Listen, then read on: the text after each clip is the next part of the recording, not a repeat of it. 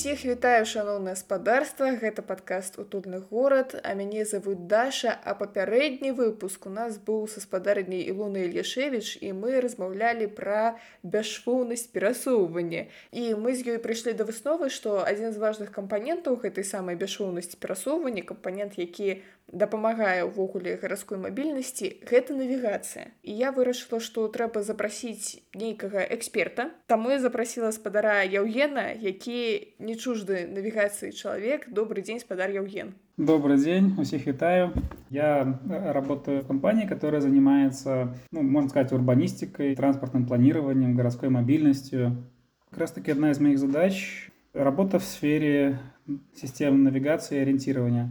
Сам я архитектор, но одно дело – это смотреть на архитектуру, другое дело смотреть, как эта архитектура между собой взаимодействует, а что главное – люди в ней. И это, конечно же, транспорт, транспортные системы. Давайте тогда разберемся с этим понятком. Городская навигация, что увогуле это такое и что в этот поняток уваходить? Городская навигация – это язык, на котором город разговаривает с его жителями и с приезжими, с туристами. Это можно рассматривать как услугу для тех же жителей, которые город им оказывает. По сути, навигация – это как процесс определения пути и направления для достижения конкретной цели, конкретного объекта. Але от часу до часу менавіта шильды и указальники называют навигацией. Это неправильно люди робят? С точки зрения людей, такого обывательского подхода, обычно, да, под навигацией подразумевается практически все, что угодно, там, начиная с этих указателей домов, продолжая дорожными знаками, разметкой, всем-всем-всем, чем то можно, на чем только есть информация, включая вывески магазинов. В какой-то мере, конечно, это относится к навигации, только не совсем с той стороны. Сама Сама система — это скорее совокупность нескольких систем городских. В частности, это транспортное, то, что нужно пассажирам и пользователям любого транспорта, как и общественного, там метро, трамвай, автобусы, все наземные, железнодорожного, аэропорты, внутри, в самих объектах, транспортных средствах, автобусы, троллейбусы, там составы всякие разные.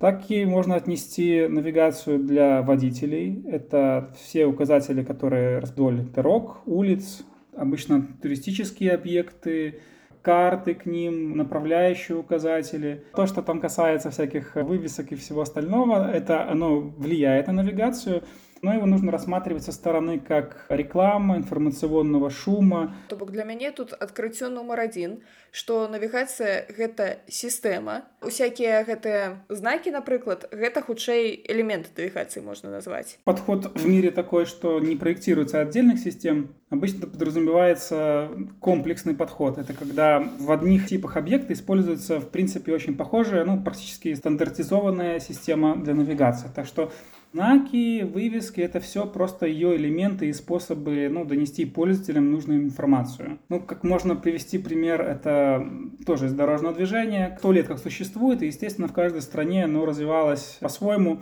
и знаки использовались разные. И когда эта проблема 70 лет назад стала, то создали специальную всемирную комиссию по дорожным знакам, которая, собственно, и занялась вот этой вот всей унификацией всех элементов, чтобы люди могли в любой стране, чтобы они видели знаки, воспринимали их однозначно, то есть не допускали ошибок. Теперь в мире большинство знаков по крайней мере, очень похожи друг на друга и воспринимаются ну, примерно так, как должны восприниматься. Зразумела, что дорожные знаки у городе Гродно будут такие самые, как у городе Минску, и такие самые, как у городе Бресте, и такие самые, как у принципе больше-меньше по свете, так? Что дотычыцца іншых элементаў навігацыі, вось, напрыклад, мапы гарадскія, якія турысты-турысткі выкарыстоўваюць, нейкія указальнікі не тыя, якія да Мінску 150 кіламетраў, а тыя, якія налево вуліца Савецкая, направо вуліца Леніна яны у нас таксама прыведзь да, нейкага агульнага ці яны ўсе индивидуальные нет никакой строгой системы. То есть каждый указатель делает каждый на свой манер на разных языках и вплоть до того что на одной улице могут встречаться три разных написания одной и той же улицы. Еще есть перевод и перевод может быть тоже как или английский или транслитерация использовалась тоже разный Ну, насамрэч я чамусьці прыгадала прыклад з менскага метро як мы ведаем прынамсі да нядаўніх пор былі не пераклады не ленін сквер а плошча леніна было напісана лацінкай дык вось я зараз успомніла указальнікі выхадаў з метро і там паўсюль напісана вуліца такая вуліца такая вуліца такая аурора синема тут тоже интересный конечно вопросы есть что лучше типа транслитерация или перевод если человек владеет каким-либо алфавитом ну например кириллицей то ему в принципе не нужно нужен перевод на именно другой язык. То же самое относится, если ты владеешь латинкой, тебе не нужно, в принципе, тем же самым алфавитом писать другие названия. Тебе важно главное написание, чтобы оно было везде одинаково и совпадало. А как оно произносится, это уже вопрос такой второй, даже может быть третий. Например, я прожила два года у Вильни, и я жила на улице Науградуко наваградская вуліца і доўгі-доўгі час я не ведала на які склад трэба ставіць націск але мне гэта не перашкаджала убіваць у пошуку у гугле ці ў прыкладанні для выкліку таксі свой адрас. Не абавязкова ведаць што гэта наваградская вуліца як яна чытаецца па-літоўску якая этымалогія гэтага слова і так далей. Давайте яшчэ правядзем некаторыя прынцыпы і асноўныя правілы распрацоўкі гарадской навігацыі і элементаў гэтай навігацыі что там звычайна мусіць быць і чаго не мусіць быць каб яе ўсе разумелі гаражане гараджанкі і замежнікі замежніцы хто заўгодна разработка навигации похожа на разработку любого другого продукта это он состоит из анализа планирования проектирования тестирования внедрения и снова анализа планирования проектирования и так далее и так далее пока не будет закончен его собственно жизненный цикл сначала конечно анализируется собственно пользователь пользователей. Надо рассмотреть различные сценарии. Множество сценариев можно свести к трем-четырем типам пользователей. Это первое, это которые постоянно пользуются, у них проложен один и тот же маршрут. Дом, работа, работа, дом. Они ходят, можно сказать, на автопилоте, им ничего не нужно, кроме там определенный момент подтверждать информацию, что да, он повернул в эту сторону, он увидел этот элемент названия, но он даже может не дочитать до конца, ему это не важно, он знает, что он идет в правильном направлении. Я могу адразу прыклад прывесці гродзенскі калі я ехала з плошчы савецкай з цэнтру да сябе да хат я ўвогуле ехала ў навушніках я не чула якія там прыпынкі абвяшчаюць і ўжо магло быць цёмна і вось адзінае што мне трэба было гэта каб на павароце я разумела что так гэта мой еўроопт значыць гэта мой прыпынак мне зараз выходзіць потому что люди да смотрят на какие-то объекты они их узнают и все им не нужно ничего в принципе более.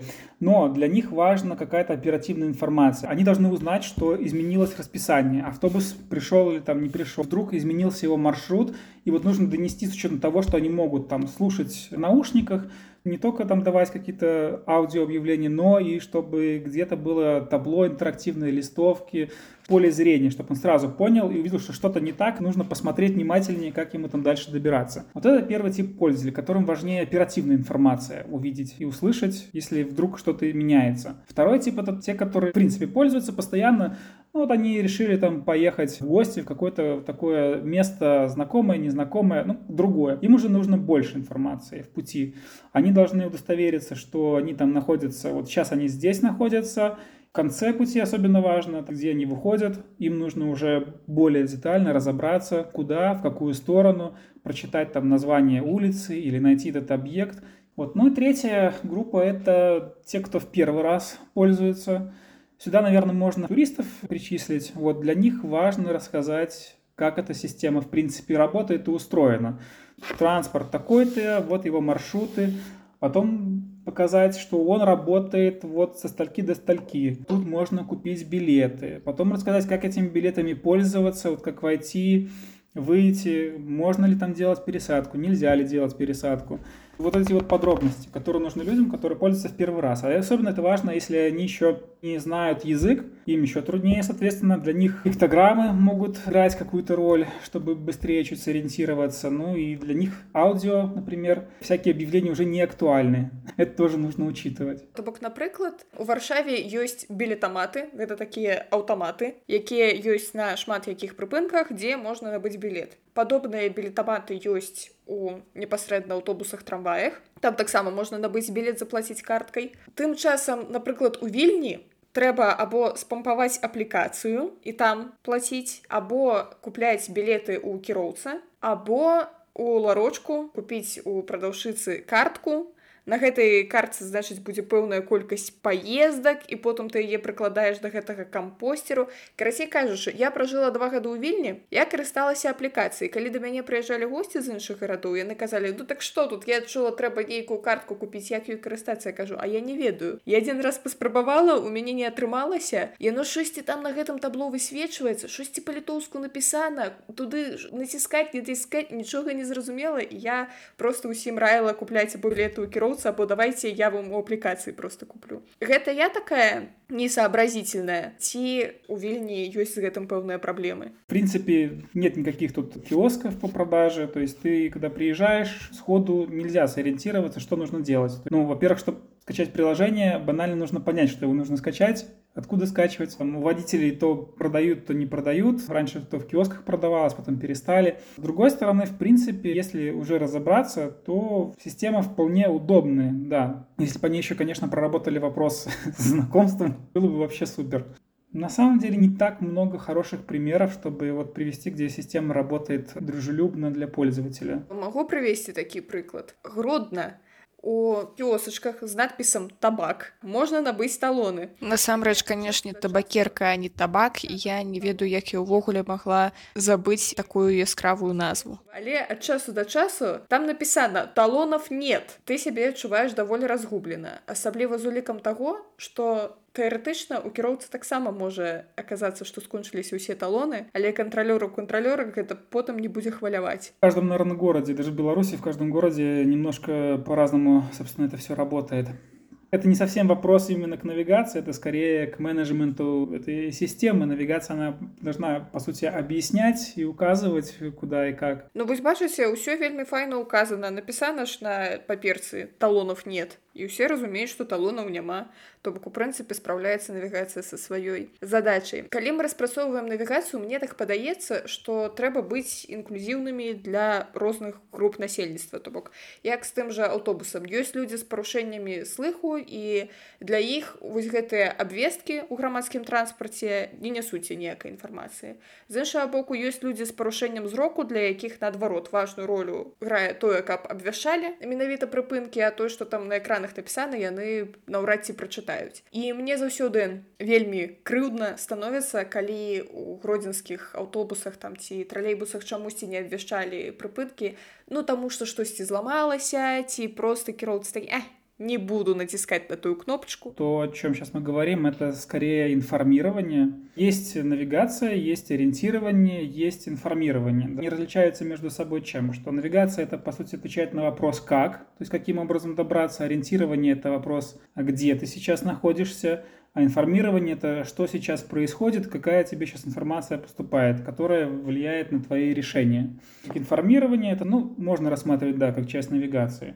Что касается инклюзивности, ну, по сути, она включена в эти сценарии пользования, когда мы рассматриваем пассажиров. Конечно же, когда мы проектируем систему, то мы рассматриваем маршруты отдельно для физически ослабленных лиц. Конечно же, у них будут другие маршруты. Не ступеньки, а, например, лифты. И, естественно, все сопровождение должно для них быть предусмотрено в нужном месте для них. Что касается других групп, например, незрячих. Я б тут, пэўна, лепей ужывала тэрмін людзі з парушэннямі зроку. Тут важна навигация тактильная и аудиальная. Тут тоже целая система.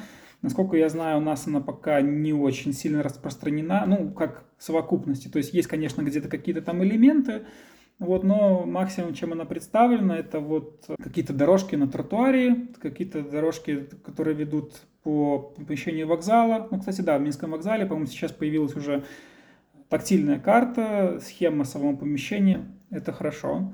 Идеальное скорее крупные переходы. Пешеходные переходы, я имею в виду на улице, там, где человек должен от одного светофора перейти к другому, и он слышит эти щелчки, и он понимает, где он находится примерно на каком расстоянии от другого, и так, соответственно, может безопасно пересечь. Есть в мире системы, которые сопровождают так людей по всему маршруту, в том числе и в самом метро. У нас, насколько я знаю, сейчас это не проектируется, не предусматривается. Пока есть только элементы тактильной навигации для слабовидящих и для незрячих. Гэта зараз не распрацоўваецца, як вы думаеце, чаму, Таму што проста людзі, якія прымаюць рашэнні, не звяртаюць на гэта ўвагі, не ведаюць, што гэта праблема ці таму што яны ведаюць, што гэта праблема, але там сродкаў не хапае. Тут скорее вопрос менеджмента, то есть как мы рассматриваем пользователей. И это очень тесно связано отношение к общественному транспорту. То есть если мы рассматриваем, вот, что нам нужно перевести людей, то это один подход.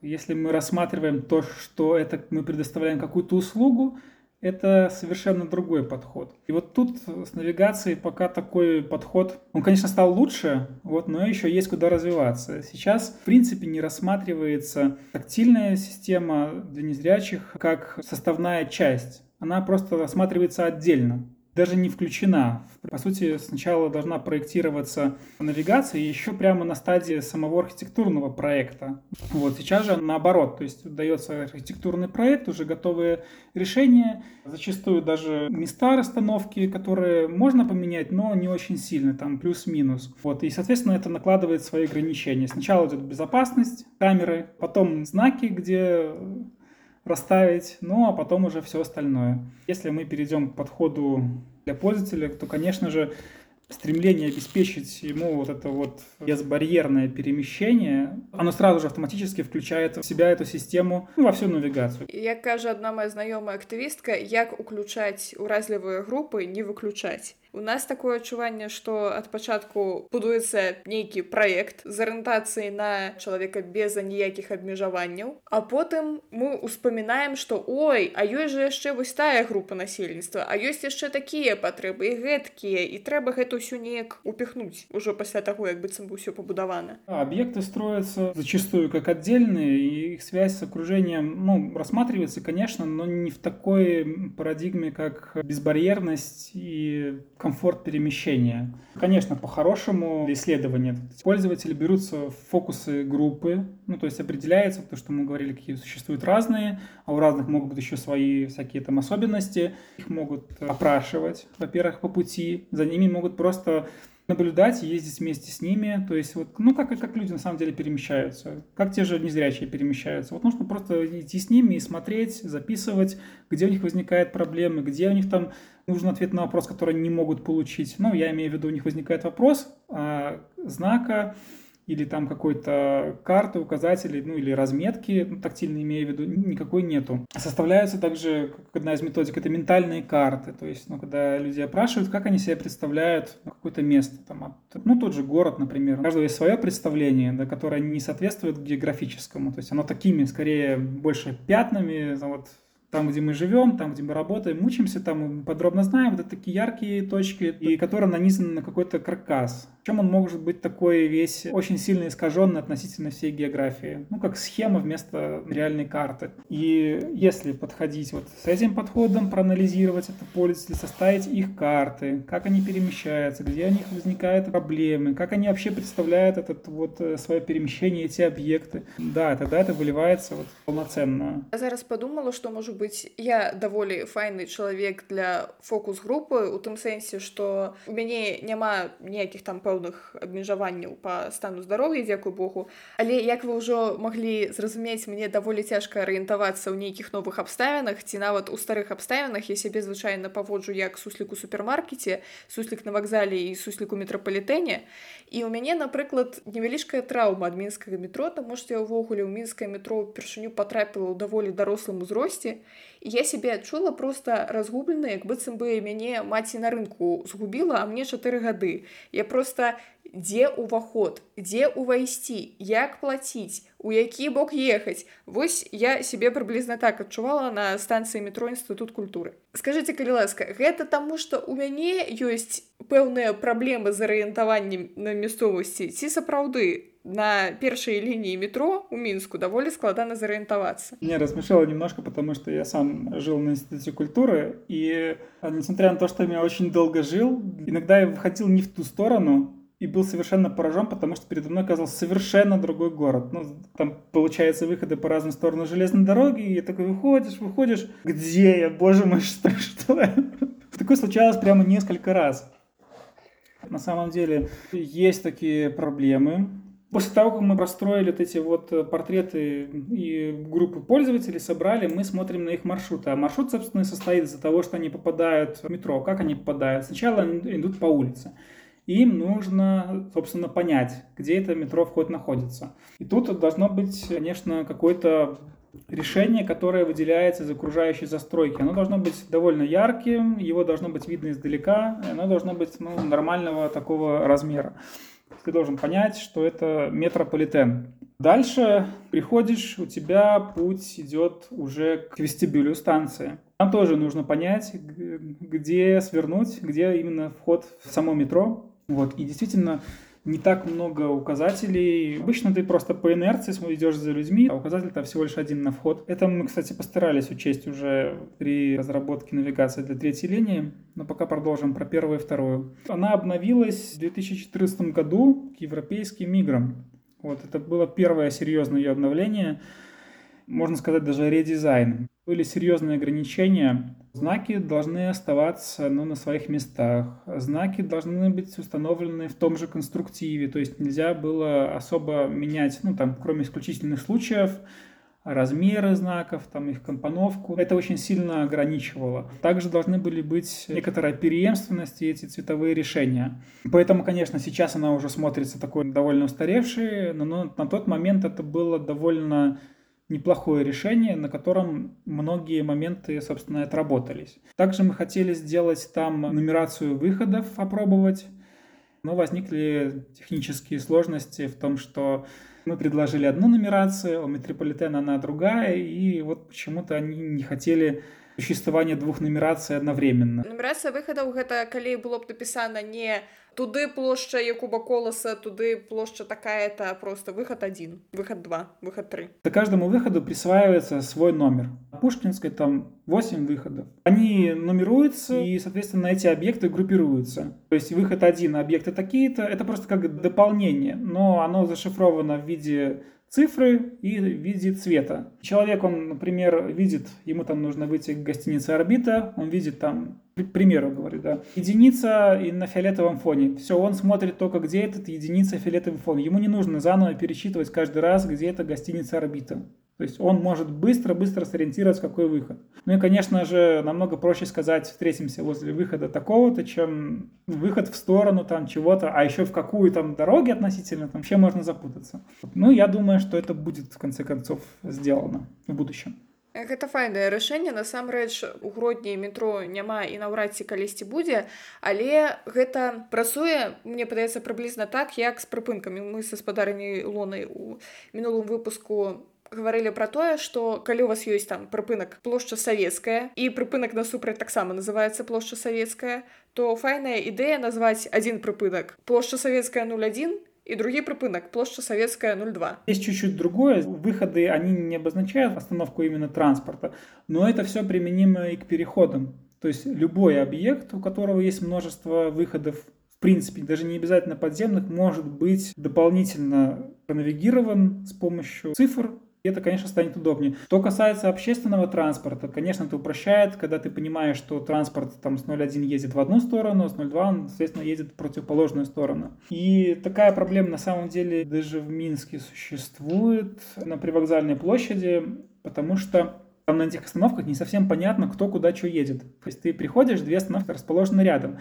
На самом деле у нас есть наработки по этому решению, но пока они не внедрены. Еще я хотела запытаться на конт метро. Увогуле дзіўна, напэўна, дзяўчыне згродна бясконца запытвацца на конт метро, але гэта просто файны прыклад. Мне падаецца, што на гэтай самай трэцяй лініі элементы навігацыі і ўвогуле навігацыя даволі моцна адрозніваюцца ад першай і другой лініі гэта мне так падаецца ці гэта сапраўды так это действительно так и это сделано специально для того чтобы она начала контрастировать для третьей линии, конечно, мы сделали базовый вариант навигации, это который продолжает первую и вторую. Вот, однако уже тогда стало понятно, что так делать будет не очень хорошо, потому что у нас есть солидный уже опыт отзывы пользователей. Какие критиковали навигацию на первой и другой линии, правда? Которые критиковали, ну и конструктивные предложения, ну и, в общем-то, мы за столько лет, конечно же, у нас была идея ее улучшить, и наконец-то мы нашли способ это сделать. Поскольку навигация рассчитывается по определенным параметрам, важно подать информацию в нужные моменты, в нужном месте. Идеальная навигация это что? Это когда у пользователя возник вопрос, и он уже получил ответ. Со старой системой это не работало. Наполовину работало. Из-за того, что там приходилось помещать много информации в очень такие небольшие фрагменты, небольшие знаки. Знаки не были предназначены для двух языков, конечно же. Поэтому приходилось как-то это все немножко впихивать туда применять цвета, которые тоже уменьшают контрастность. Короче, если это все делать по нашему же стандарту, то оно не соответствовало предъявляемым требованиям. Пользователи просто банально не успевали найти ту информацию, которая им нужна за тот промежуток времени, когда они вот подходят, идут. Или она оказывалась, например, недостаточно большой на этом расстоянии, или она оказалась не совсем в том месте. Поэтому мы это показали, и мы сделали сразу же другой вариант, который мы давно хотели, и который мы хотели для первой и второй линии, но вот там пока нельзя это реализовать, там, ну, по крайней мере, не было заинтересованности. Работала и работала, и, собственно, нам сказали до лучших времен. А здесь подвернулась возможность, потому что был заказчик метропроект. У него в задании, собственно, было это прописано как система навигации, поэтому мы не стали привязываться к существующей, в том плане, что делать полную преемственность, мы решили ее сильно модернизировать так, чтобы через какое-то время можно было и на первой второй линии тоже заняться этой модернизацией. Мы применили немножко другой подход, мы уменьшили визуальный шум, мы отказались от многих цветовых решений, которые ну, преследовали столько лет. Ну, например, применение цвета в надписях, которые в транслитерации. На красной линии он такой багровый, на синей линии синий. Цвет транслитерации соответствует цвету линии. Мы, конечно же, отошли от этого решения, у нас поменялась эта парадигма, теперь цвет линии должен всегда присутствовать в указателе, но если ты находишься на ней другой язык, он просто обозначается меньшим шрифтом, ну, просто серым, более блеклым, чтобы он не мешал восприятию основного, но чтобы пользователь сразу находил его. То бок той, якого колеру гэта лінія, мы разумеем па колеры акантоўкі указальнікаў, напрыклад, а, канешне, не па колеры літар. Такая система цветового кодирования в виде линии, она применяется ну, во многих системах на самом деле. Зеленая линия это еще сочеталось с тем, что практически на всех станциях предполагалось, что будет э, вдоль всей платформы протянута вот какая-то такая зеленая линия. Что мы предложили, давайте сделаем это в составе навигации, мы ее берем как архитектурное решение, и зато добавим именно в навигационное. И да, получилось, что она как бы забрала на себя часть этой функции. Зразумела, і наконт указальнікаў я яшчэ так разумею, што лепей не пісаць трымя мовамі на адным указальніку, лепей напісаць па-беларуску і лацінкай, правда? Ну, конечно же, информация, она есть информация. Если используется алфавит, то он воспринимается все равно как информация. В данном случае есть такой показатель, как полезность этой информации.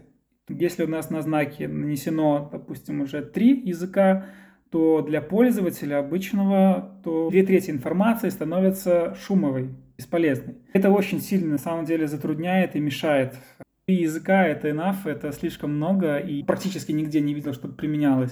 Кстати, ради интереса взял, просмотрел список стран, где есть два языка, и нашел, по-моему, только две страны, где эти языки используются на официальном уровне одинаково. Везде, везде, даже где там 4, где там 3, все равно есть один официальный, есть один национальный, но они разные. Нет такого, чтобы вот прям одновременно их использовать. Поэтому, конечно, тут у нас мнение совершенно однозначное. Мы его применяли везде, в любой навигации, как в городской, как в метро, как в транспорте, где угодно. Это белорусский язык и его транслитерация. Ты ведаеш я калі ў мінскім аэрапорту было апошні раз апошні раз гэта было ж на чатыры гады таму. І тады яшчэ з менскага аэрапорта можна было кудысьці ўляцець. Карацей кажучы там табло дзе высвечваецца рэйс і час адлёту час рэгістрацыі і там гэтае табло змяняецца. То бок там ад пачатку напісана мне падаецца па-беларуску потым яно змяняецца на ангельскую потым яно змяняецца на кітайскую вось гэта дастаткова цікавае рашэнне як мне падаецца. В принципе оно такое может быть, если мы говорим о каких-то интерактивных вещах. Да? Оно не должно, конечно, мешать э, сильно, оно действительно может упростить жизнь. Если мы говорим о каких-то ограниченных ресурсах, которые у нас есть, собственно, в навигации, да, обычно мы ограничены каким-то размером, но больше мы ограничены в количестве полезной информации, которую мы хотим дать пользователям.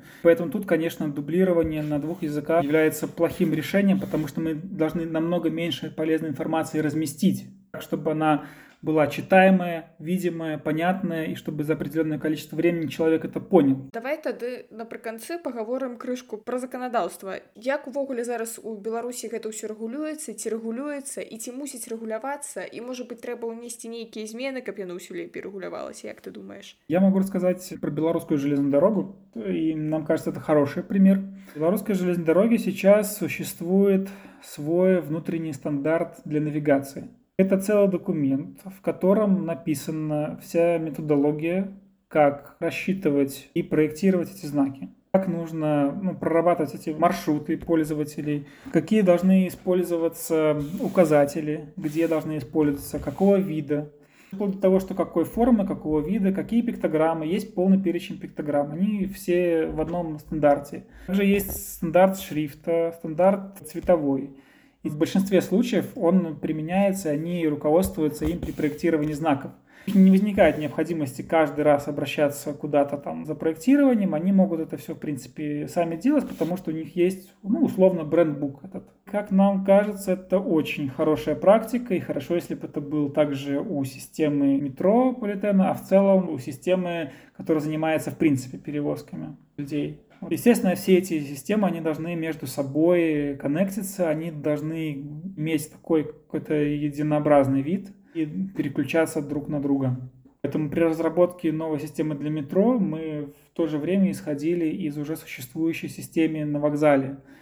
Нам кажется, они в принципе имеют схожесть, узнаваемость и переходность напрыклад калі у нас по краіне по ўсёй краіне будзе нейкі адзін ну можа быть не стандарт не только брендбук з якім мусіць усё супадаць але напрыклад нейкія патрабаванні да шрыфту что трэба выкарыстоўваць толькі такі шрыфт а ўсе астатнія калі ласка не выкарыстоўвайце то гэта будзе добрая ідэя для элементу навігацыі тут скорее лучше использовать примеры лучшей практики это относится в принципе к дорожному движению то есть есть проблема там ну, примеры тоже проектирование улиц есть куча стандартов они приводят к тому, что очень долгое время эта система она может не замечать ошибок и проектировать только потому, что у них есть стандарт. Они выполняют э, только вот то, что там прописано, такие-то показатели. Например, при проектировании улицы никак раньше не учитывался показатель безопасности того же движения, собственно, того, что происходит на этой улице постоянно. Как, собственно, можно проектировать улицы, не исходя из того, что там нужно сохранять жизни людей и заботиться об их безопасности в первую очередь и вторую все остальное, в принципе. Вопрос странный странно. Поэтому тут такая палка о двух концах. Мне кажется, тут скорее вот эти вот э, внутренние документы самой организации, самого оператора и могли бы стать э, тем нужным инструментом реализации систем навигации в разных городах. Они могут отличаться, чем-то они могут отличаться, но если они выстроены и посчитаны по системе, по, по науке, собственно, по расчетам, то они будут работать. Они могут иметь разные цветовые решения, в принципе, это, это нормально, в, в каждом городе может быть свое, но оно будет работать, потому что оно сделано по какому-то научному подходу и стандарту. Зразумела дзякуй шчыра за такі поўны шматбаковы адказ. Увогуле дзякуй за гэтую гутарку. Дзякуй вялікі шаноўна гаспадарства я спадзяюся вам стала больш зразумела як мусіць працаваць гарадская навігацыя. Таму стаўце лайки зорачкі ўсе астатнія прыемныя адзнакі. Подписывайтеся на наш подкаст і хутка мы з вами пачуемся.